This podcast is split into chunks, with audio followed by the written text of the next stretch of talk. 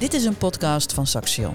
Om preciezer te zijn, van de Saxion Onderwijs Innovatie Hub. Wij geloven dat onderwijs anders kan, anders moet. In deze podcastserie hebben we ontmoetingen met bijzondere gasten. Elk van hen heeft een verhaal. Een verhaal over belangrijke ervaringen in hun leven, over vallen en opstaan, over diepere motieven, over streven, kortom, over zingeving.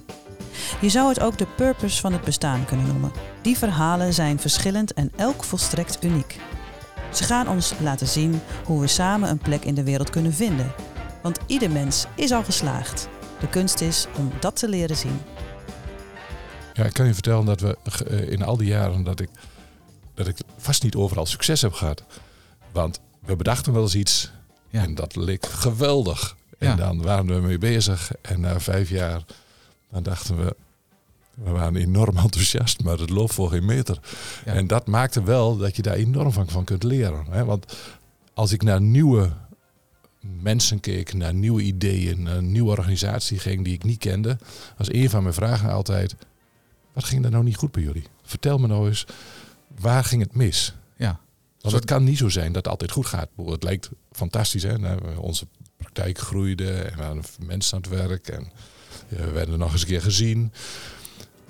Maar dat kwam niet alleen maar door dat succes. Het kwam omdat we ook af en toe heel goed konden leren van zaken die niet goed gegaan zijn. Ja.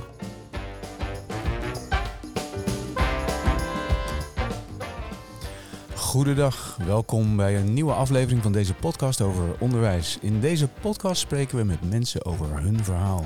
Over hoe ze geworden zijn, wie ze zijn en over de ambities die ze hebben voor zichzelf en voor de wereld waarin zij leven. We hebben het over de ervaringen die hen hebben gevormd en over de rol van onderwijs daarin. Hoe leren zij en hoe leren zij het beste? Wat heeft hen geholpen in de keuze die ze maakten en wat niet? Misschien vallen er lessen te trekken voor het onderwijs uit al deze verhalen. In elk geval is elk afzonderlijk verhaal interessant genoeg om even voor te gaan zitten.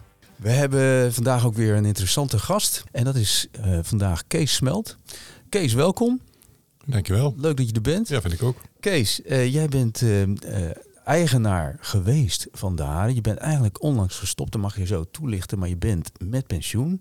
Niet helemaal, want eh, nog steeds ben je ehm, eh, voorzitter, moet ik het goed zeggen, van de coöperatie Twentse Fysiotherapieorganisatie. Inderdaad, goed zo. Ja, en, en je was ook tot voor kort bestuursvoorzitter van Top Health Group, waar de haren weer onderdeel van uitmaakte. Je bent begonnen als fysiotherapeut. Misschien moet heel kort even zo die weg die jij gevolgd hebt. ehm, En daarnaast was ik ook nog voorzitter van Fysiotopics, landelijke vereniging voor Kijk. fysiotherapeuten. juist.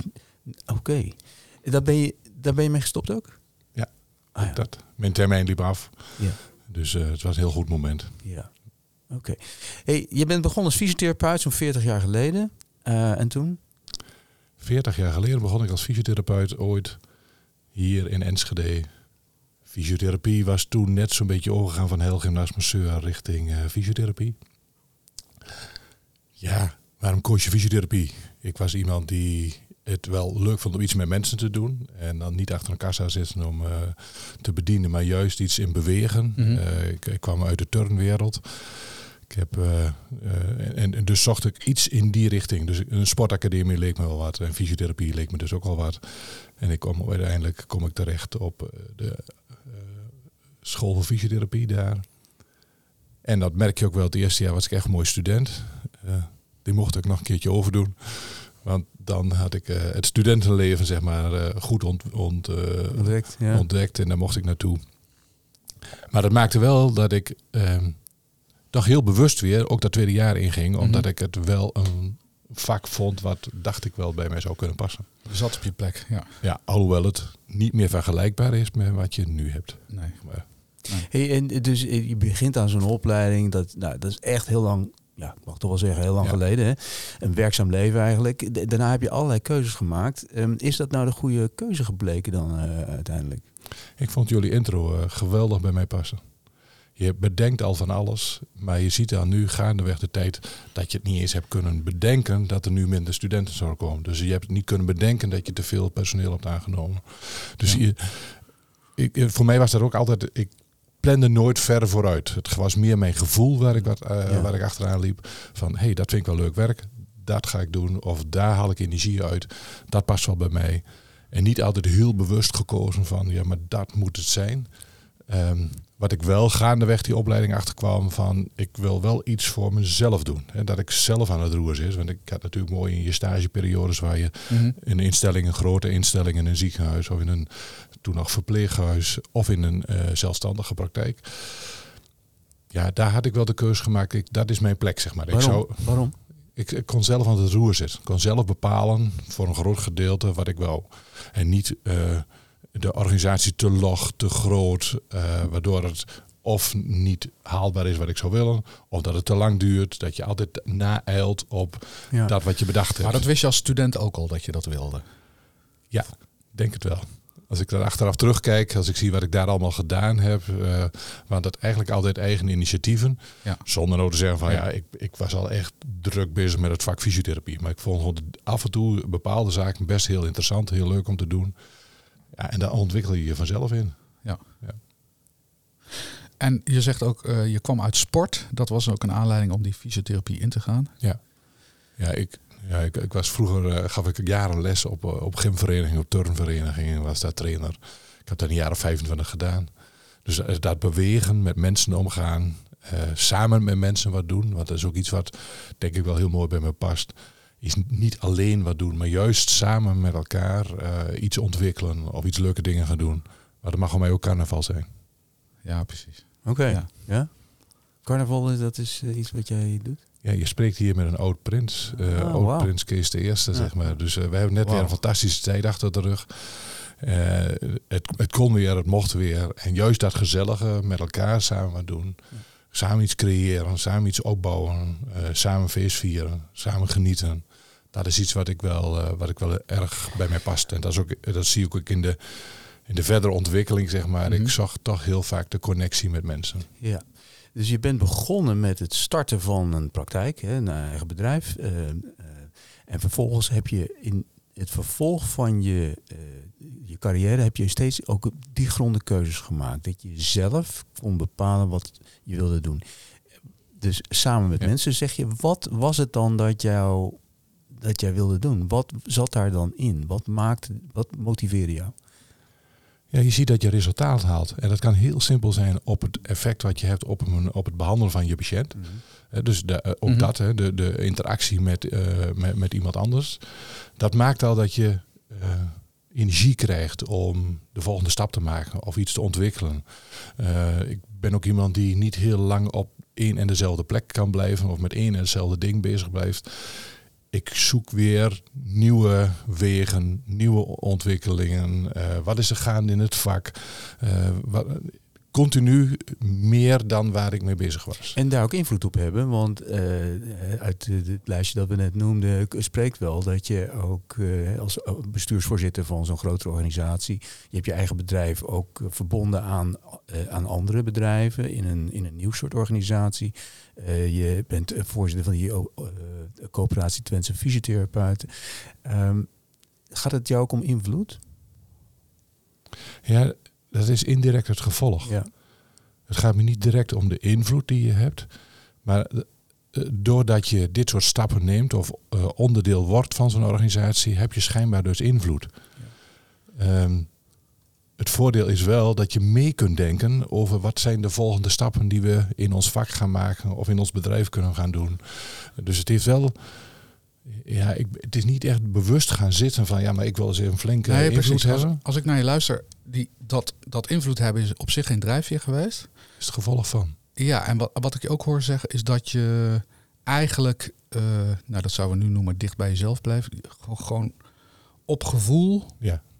Het is ook het makkelijkste, zeg ik altijd. Ik hoef niks te onthouden. Ja, dat zeg je nou, hè, dat dat makkelijk is. Ja, voor mij is dat het makkelijkste. Ik Ja, zou niet anders kunnen. Ja. Dus het is ook iets wat bij mij past. Het is niet iets wat ik aan... Het is geen trucje, zeg maar. Laat ik het zo zeggen. Dus het, is, niet- het is iets wat... Ik, ik zou dat niet anders kunnen. Je moet mij niet in mijn eentje ergens neerzetten. En dan zal ik wel even een heel bedrijf runnen. Ik doe dat samen met... Want je noemt me nou bestuursvoorzitter. Wij waren een maatschap. Ja, En echt niet alleen maar een fiscale maatschap. Maar we waren een maatschap met maten die lief en leed met elkaar deelden. ja. En fiscaal heet het dan een maatschap. Maar juist dat samenwerken en juist met elkaar zaken ontwikkelen, met elkaar een bedrijf runnen, dat was waar ik waar echt veel energie van Ja, kreeg. en onder de streep wat je nu de afgelopen vijf minuten denk ik verteld, is een soort gebruiksaanwijzing over jezelf. Hè? Van wat, wat vind ik nou belangrijk Ja. in, mijn, in mijn werk, in mijn, in mijn contacten, in mijn activiteiten. Waar heb je dat opgedaan? Of had je dat altijd al? Ik denk dat ik dat eh, dankzij mijn moeder en mijn vader heb gekregen. Dat, is een, dat is een standaard iets wat, wat, wat je denk ik toch meer krijgt in je opvoeding, verwacht ik. Want het is niet iets. Ja, je krijgt dan ook mensen om je heen. Als je een be- bepaald iemand bent, merk je ook dat je bepaalde mensen om je heen krijgt die daarbij passen. Zonder dat het nou exact dezelfde mensen moeten zijn, maar die er wel die bij je omgeving passen. Ja, en ik denk toch dat dat eh, van huis uit is meegegeven. Mijn moeder werd gisteren eh 97. Wow. Dus eh, eh, ik kan daar nog vragen ook, zeg maar, of ze dat van Ja. haar eh, gekregen hebben. Maar dus heb jij jezelf bewust ontwikkeld of is het je overkomen? Het is me overkomen. Oké. Ja, En ik- is dat ook iets wat je. eh, ehm, want dat, is- dat is natuurlijk de, een van de grote vragen die ons ook in het onderwijs puzzelt. Hè? Hoe, hoe bereid je mensen voor op een toekomst? Of kan je gewoon zeggen, joh, het overkomt je wel? Ja, het overkomt je omdat je als je ehm,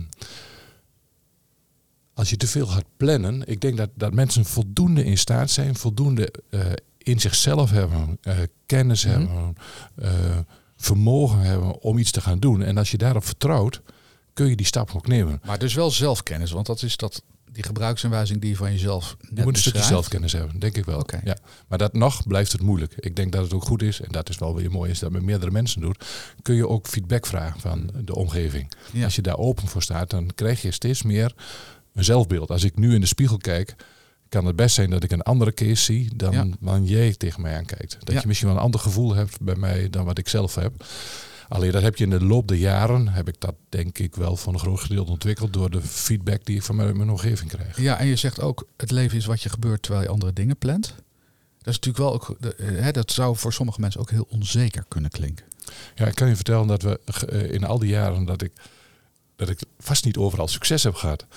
Want we bedachten wel eens iets Ja. en dat leek geweldig. En Ja. dan waren we mee bezig en na vijf jaar dan dachten we, we waren enorm enthousiast, maar het loopt voor geen meter.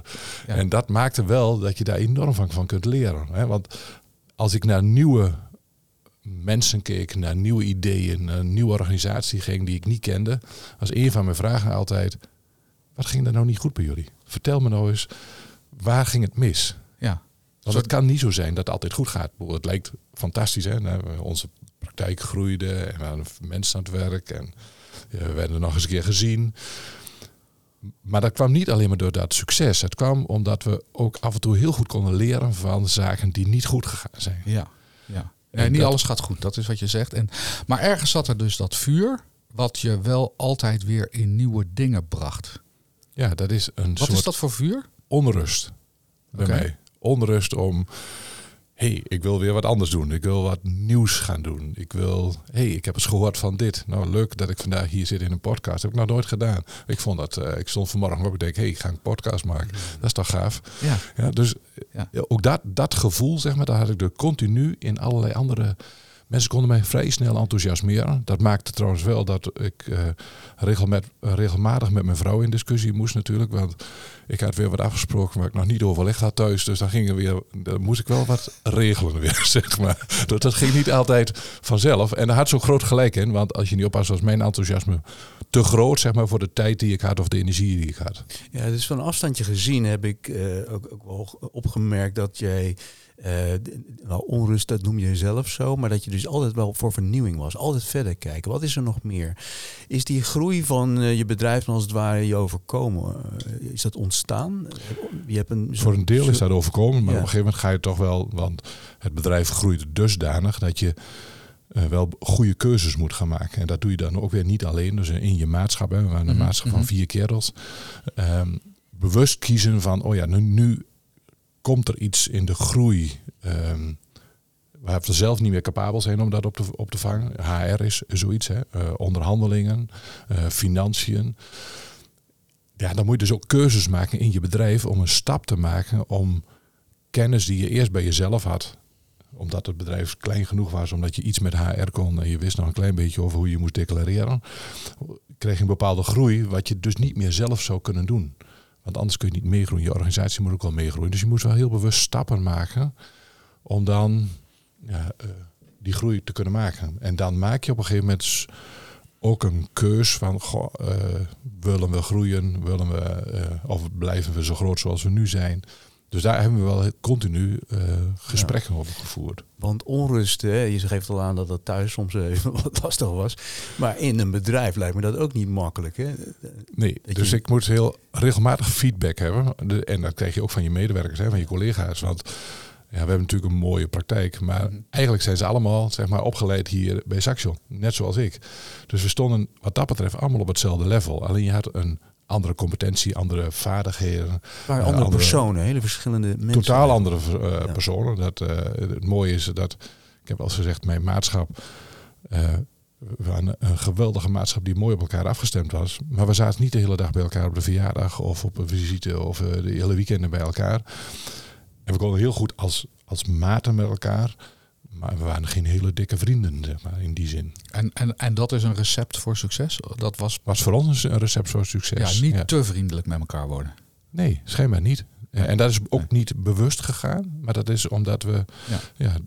dusdanig verschillend waren. Dat we wel heel goed met elkaar konden. Maar je ging niet met elkaar op vakantie. Vraagt dat ook dat je. Nee, dus, de- vraagt dat ook dat je eh, begrip hebt voor anders denken, voor anders kijken. Ja. Want eh, ik kan me ook voorstellen dat, dat je eerste reflex zou zijn: oh shit, dat, eh, dat, dat, is niet mijn keuze. Wat doe je dan? Ik probeer bij mezelf haak de verklaring te zoeken. Waarom zegt iemand dit of waarom doet iemand dat? Wat, wat, wat beweegt hem om... Dus dat wel- invoelen. Ik probeer in te voelen. Ja, en de, de- dus eh, wat ik ben is niet standaard. Maar wat ander is is ook niet standaard. Dus hoe, hoe eh, maakt nou dat ik iemand kan begrijpen? En of dat nou een Mhm. patiënt was, Mhm. of het is een organisatie, of het was mijn maat. Eh, continu probeer ik op de stoel van de ander te gaan zitten. Van waarom doet hij dit? Waarom zegt hij dat? Waarom doet hij dit niet of wel? En ik ben daarin best wel een aantal keer tegen de lamp gelopen. Ja? Ja, En op een gegeven moment was je, eh, in plaats van fysiotherapeut, kan me voorstellen, was je manager geworden. Of Ja. heb je, een andere rol. is, is een heel ander vak, is een Ja. heel andere rol. Ja, dat is iets wat ook weer mooi gebeurde in ons bedrijf. Hè. We lieten elkaar in principe vrij van waar ben je nu goed in? Wat, wat vind jij nu leuk om te doen? En waar ben je dan ook nog eens goed in? Mhm.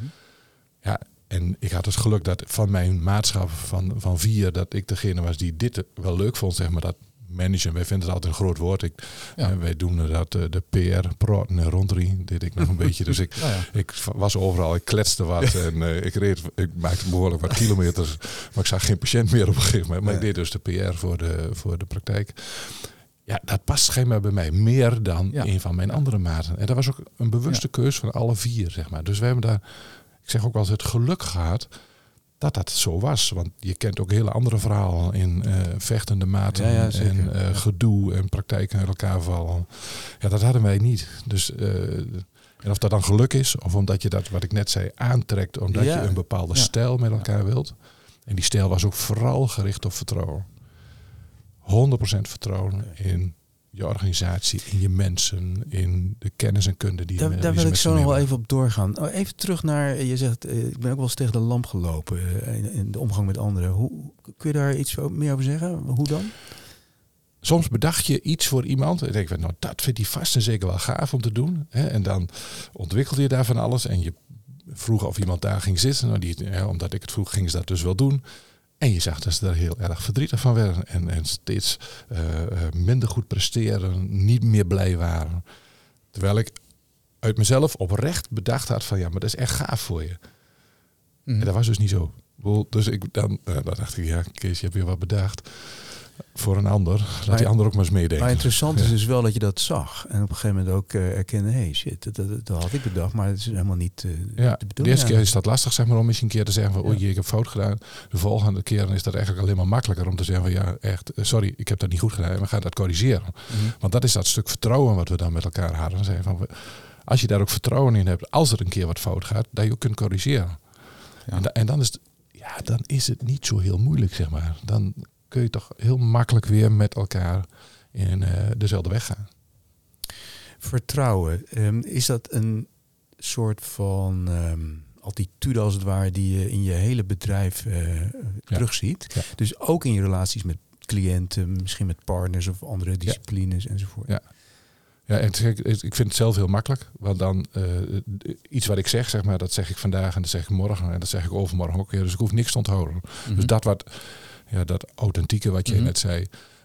Ja, dat, dat, ik blijf bij jezelf, zeg maar. Dat, dat is voor mij de makkelijkste manier. Dan hoef ik geen dingetje te doen. En, eh, En en, en dan accepteer je maar, of je accepteert het niet. Maar daar neem ik dan ook genoegen mee. Ja. Ja.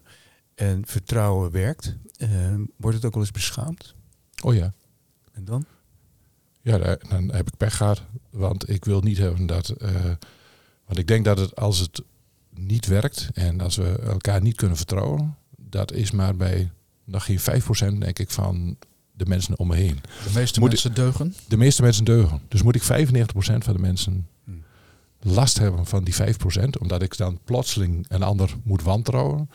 Ja, dat, dat accepteer ik gewoon niet. Dat- En we, leven, we leven in een maatschappij die heel erg gaat over controle. Tenminste, zo, zo ervaar ik dat. Of hoor, hoor ik dat ook. Hoe, hoe, hoe is dat voor jou?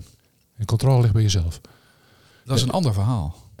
Dat zou zo zijn. Maar ik denk dat, dat jij bent degene die daar verantwoordelijk voor is. Dus Ja. die controle ligt ook bij jezelf. Alleen soms kun je dat niet alleen. En heb je Mhm. kennis, kunde nodig, mensen nodig die je helpen.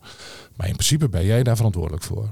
Ja. En als er iets niet loopt, ben jij degene die de vinger opsteekt en zegt van wacht even, eh, ik had wel wat afgesproken, maar het gaat niet goed. Eh, help me. Of wat moet ik doen? Of kan ik de taak teruggeven? Vind ik ook eh, prima. Daar, dat vind ik mooier dan wanneer je zegt van eh, aan het eind, oh, oh, ik, eh, ik heb niks gedaan. Of eh, het is helemaal niet goed gelopen. Of ik ben niet blij, zeg maar. Dus, dus het gaat niet over controle. Het gaat over het leven is wat je gebeurt terwijl je andere dingen doet. En je vertrouwt op elkaar. Ja, en op jezelf. Vertrouw En op jezelf. vertrouwen. Want het, Ja. nogmaals, jij bent degene die dat kan. Maar dat zit denk ik echt, je hebt zoveel vermogen als mens, zeg maar, dat je bepaalde dingen gewoon echt kunt. Ja. En sommige dingen niet. Maar goed, Hoor ik, hoor ik dan ook eh, terug, op een gegeven moment zijn jullie eh, vrij expliciet ook het, principe van positieve gezondheid gaan omarmen. Ja. Dat, dat, dat lijkt daarin terug te komen. Want dat gaat ook erg over vertrouwen en vertrouwen in jezelf. Hè? Je cliënt helpen vertrouwen te krijgen in, ja, maar je, je, je gaat hier zelf iets mee doen. ja, zelf aan het roer zitten. Ja. Probeer zelf die controle over jezelf te houden. Of over je organisatie. eh, en Dus even naar die cliënt, hè? Hoe ziet dat eruit? Je bedoelt ons, onze, onze patiënt-cliënt, zeg maar, eh, verhouding. Ja, Je- jullie, gaat- jullie aanpak daarin? Ja, je gaat, je gaat een ander gesprek met mensen aan. Hè, de, we, eh, we hebben wel eens de, de, de metafoor gebruikt. Vroeger kwam iedereen naar ons toe met een handdoekje onder de arm. En dan gingen ze netjes op de bank liggen en werden ze heerlijk gemasseerd. En die handdoek was om de olie daarna er weer af te halen. Nu komt nog steeds diezelfde cliënt, patiënt, komt naar ons toe met een handdoek onder de arm. Maar nu is het voor het zweet. Want nu heeft moet hij zelf aan het werk. Nu moet hij zelf wat gaan doen.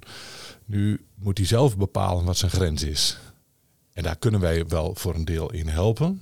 Maar dat bepaal je voor een heel groot gedeelte zelf. En dan laat je ook je cliënten merken wat voor power ze hebben. Wat ze wel kunnen. Hè, dat is niet zo dat iemand die in een rolstoel zit ziek is. Die Ja, heeft heel veel wat hij wel kan. En op het moment dat je die ah, omslag kunt maken, die manier van denken ook bij mensen neer kunt leggen. En dat wordt voor een deel natuurlijk veroorzaakt omdat we steeds minder geld krijgen. We kunnen niet alleen maar zorgen, hè, dus, want zorgen kost geld. Dus je moet heel veel zelf kunnen doen. En daar past die positieve gezondheid nu ook wel heel mooi in. Want ja, dat, dat eigen regiedeel, Ja, maar jullie insteek is bewegen. Ja. Hè, dat, is, dat is je expertise. Maar dat positieve gezondheid gaat over veel meer. Zes dimensies. veel meer. Ja, en hoe verhoud jij je dan, of jij als therapeut, maar jullie als bedrijf, als organisatie, als eh, bedrijf met zo'n principe. hoe verhoud je je daar dan toe? Hoe ga je daarmee om? Wat doe je? Werk je dan met andere Je disciplines? moet gaat dat? samenwerken met andere disciplines. En, en eh, dat is heel divers. Eh, we hebben een aantal jaren geleden een congres gehouden eh, als organisatie over positieve gezondheid. Als je zag wat daar aan publiek, wat we uitgenodigd hadden in de zaal, dat was variëren van de fysiotherapeut, de huisarts, maar er zat ook de dominee.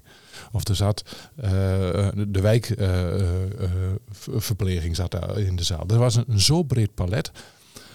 Want dat moet het volgens mij zijn, die cliënt-patiënt, die heeft zo vaak te maken met meerdere disciplines, Mhm. dat je dat als fysiotherapeut helemaal niet alleen kunt.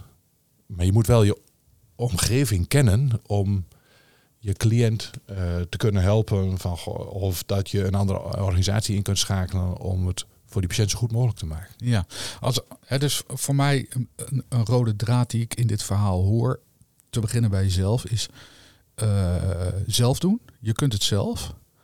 En nu toewerken naar die positieve gezondheid, mensen helpen met het vertellen. Je kunt, ja, wat kan er wel? Zoiets? Wat kan er wel? Waar, waar ben je wel wel? goed in? Bedoel, Het is, het is niet altijd slecht. Als ik mijn arm niet zo op kunnen tillen en dat nooit weer kan, Ja. ja, dat wil nog niet zeggen dat ik dan een slechter leven heb. Ik moet me dan misschien iets aanpassen, maar er zijn wel, ik heb wel heel veel mogelijkheden om nog heel veel leuke dingen te doen. Of om mijn werk te kunnen blijven doen, of een aangepast werk, of Ja. thuis goed te kunnen functioneren. ja. Mooi. Ja, wij, zitten in een onderwijscontext. Jij hebt ook met onderwijs te, eh, te maken gehad, met studenten en met, eh, met eh, onderwijsinstelling eh, of instellingen.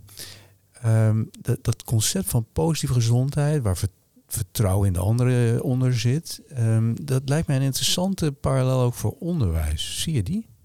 Jazeker. Hoe? Ehm, Positief onderwijs. Ja, po- positief aan- onderwijs. Ja, ja. Eh, het, het, eh, ik ben, ben veel betrokken geweest bij Saxion. Ik was daar ook af en toe wel kritisch en misschien wel te kritisch geweest. Hè, want dan kreeg ik allerlei collega's eh, van je over me heen. Ehm, in eerste instantie was onderwijs iets voor ons, een keus die we als praktijk gemaakt hebben. Wij wilden opleider zijn. Mhm. Ja. Dus dan heb je een andere insteek al van waarom wil ik iets met Saxion doen? Waarom wil ik iets met een student doen? En het was overigens niet alleen Saxion, er waren meerdere eh hogeschool, mbo-opleidingen waar we gebruik van maakten. Maar op het moment dat je die keus maakt, wil je ook samen met het onderwijs weer een goede student krijgen. Maar daar was ik als praktijk ook van afhankelijk. Ik wilde de nieuwe student. Ik wilde ook de nieuwe stap maken. Kan Saxion voldoende mee ontwikkelen in zeg maar al die leuke dingen die we bedenken? Eh, Of komt er een student af van zo'n opleiding die vijf jaar achterloopt? En daar was jij kritisch op. Daar was ik wel eens kritisch op, ja. En- Want wat is de nieuwe student? Je zegt dat even. Ja, maar er ontwikkelt zich zoveel. Ja. Eh, je moet dus mee kunnen in wat er gaand gebeuren, is gebeurd in het vak fysiotherapie. En dat is best lastig, want je maakt een curriculum.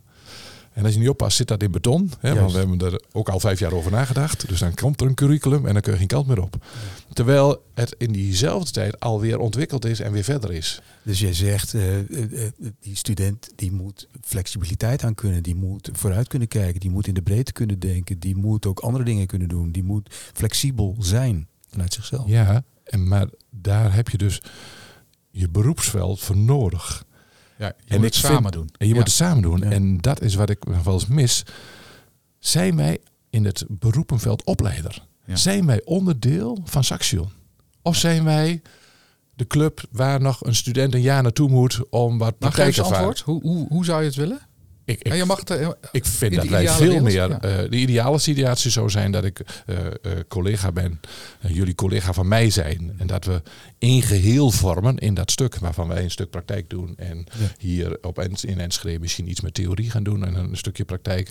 Maar dat dat dus veel meer in elkaar gevlochten is. meer in de praktijk. Een soort nee, niet leerling, meer gezel, in, de- nee, niet meer in de praktijk. Meer op elkaar afgestemd. Ja, oké. Ik moet weten wat jullie doseren. Ja. Jullie moeten weten wat ik wel kan in mijn praktijk en wat ik niet kan. Je moet weten waar je je student naartoe stuurt. Ja. Je moet weten hoe die terugkomt met een beoordeling. Waarom je ik zegt eigenlijk is er onvoldoende voeling met die praktijk vanuit de opleiding. Ik zou het meer willen integreren. Veel meer willen integreren. En, wat is daarvoor nodig? Eh, of wat, wat, wat gaat er precies mis? Kan je er iets van zeggen? Ik, ik denk dat ik als, als eh, eh, praktijk ja, mijn ding doe. Als praktijk. Ja. En te weinig weet van wat doet het onderwijs. Ja. Als je niet oppast, dan heb je straks eh, docenten die fulltime in het onderwijs zitten. En te weinig in die praktijk weer zitten. Om daar, daar de stappen te maken. He- Ben je goed genoeg op de hoogte wat er in de landelijke ontwikkelingen speelt? Hè? We hebben natuurlijk nu een debakel gehad van we dachten twee praktijkregisters tot één te kunnen samenvloeien. Ja, daar ging weer iets mis. Wat geef je daar je studenten voor mee? Ja. Dat die weet dat dat er ruilt en zeilt in, je- in de wereld van waar die straks terechtkomt. Maar dus je zegt ook, we zitten als onderwijs te veel in onze eigen zuil. We- Ja, maar wij ook. Wij als praktijk Beide. hetzelfde. Ja, Oké. ja. Nee, dat, dat- is wederzijds. Want ik Oké. ben de hele dag bezig om het maar zo goed mogelijk mijn bedrijf te laten draaien. En we hebben al bewust gezegd, ik wil een student opleiden. We willen echt opleider zijn. Maar dan nog is het lastig om echt opleider te zijn. En dat die niet die student meeloopt omdat het even zo makkelijk is. Want als ik het druk heb, kan die student ook wel wat doen. Oké, en, en nog even terug naar positieve gezondheid. Wat is positief onderwijs? Ja, wat ik heel graag wil is dat je je glas half vol hebt en niet half leeg. En wat je net zei, van, we zitten in een vorm van negativisme in Ja. de wereld. Waarvan ik denk, jongen, jongen. eh, je hebt het nu over de 49% die slecht gaat. Maar volgens mij is er dan een meerderheid van 51 die goed gaat. Of laat het maar 50-50 zijn. En die, die negativiteit wordt continu benoemd. Ja. Ja. Eh, Kees, eh, we moeten al naar een afronding toe. Ja, dat gaat heel snel. Dat gaat me te snel. Eh, maar niet dan nadat we jou ook nog eens gevraagd hebben. Want jij zegt al veel over onderwijs. Over jouw optiek hè, op, op zorg en onderwijs. Ehm, nou ja, wees maar concreet en dan boter bij de vis. Wat staat ons te doen in onderwijs? Ja, zorg voor de integratie. Waar wij dus druk mee zijn in positieve gezondheid. Om met meerdere disciplines wat te gaan samenwerken. Elkaar kennen, elkaar ontmoeten. Ja, dat moet je in het onderwijs hetzelfde verhaal. Zoek elkaar op. Ja, Eh, word eens concreter. Wie zoeken we op? Hoe, hoe- wat? Ja, zorg dat je als, als docent eh, onderdeel bent van mijn praktijk. Ja. Heel concreet. Ja, of andersom. Eh, ik heb een tijdje meegelopen als docent hier op Saxion. Ja. Omdat ik gewoon wou voelen en zien. Van ja, ik had altijd wel commentaar op dat Saxion. Maar waar- waarom schiet dat nou niet op? Hè? En daar kwam ik dus weer achter dat in een grote organisatie eh, het heel moeilijk was om heel snel te kunnen handelen. Het hebben van een e-mailadres wat werkt. Ik heb hier toen een tijdje gelopen en toen aan het eind van mijn carrière hier, dat was een half jaar geloof ik, had ik een e-mailadres. Ja, dat, is, dat, dat is maar een heel klein voorbeeld, maar zo staat er dus veel meer. En dan denk ik, als de rest dus ook zo werkt, Ja. dan, dan krijg je continu een student die achterloopt op dat wat er gebeurt. Dus de muren moeten eruit. De muur moet eruit. Ja. Ja. Nou, dat vind ik een hele, hele mooie afsluiter. Ja. De muren eruit. Ja, en ik denk dat je als, dan heb ik wel toch dat Saxion en afdeling fysiotherapie niet te veel aan de preventiecoachkant moet gaan zitten. Straks zijn we een HBO-opgeleide buurtsportcoach, heb ik wel gezegd. Hm. Dat zou ik erg jammer vinden. Ik denk dat we veel meer richting diagnostiek, anderhalve lijn fysiotherapie moeten. Dus meer in dat stuk moeten gaan zitten, want daar hebben we kennis en kunde. We hebben laten zien dat directe toegankelijkheid, dat we dat aan kunnen als vak. We kunnen dat volgende stukje ook aan. Diagnostiek, goede opleiding erop. En dat hoort dan straks bij misschien wel de master algemeen fysiotherapeut. En je gaat nu eh, eh, de bachelor opleiden. En de volgende stap zou kunnen zijn dat er dan gewoon een master algemeen op zit. Want een fysiotherapeut is geen coach. Is zeker coach, maar hij moet niet helemaal in dat nulde lijn deel gaan zitten. Hij moet veel meer van die eerste lijn naar de anderhalve lijn, Ja. vind ik. Dankjewel Kees. Graag gedaan. Dankjewel. Ik vond de tijd te kort, maar goed, eh, wie weet. Wie weet, volgende keer.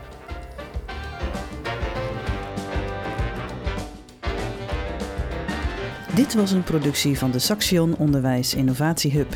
Heb je ideeën of wil je weten wat we allemaal doen?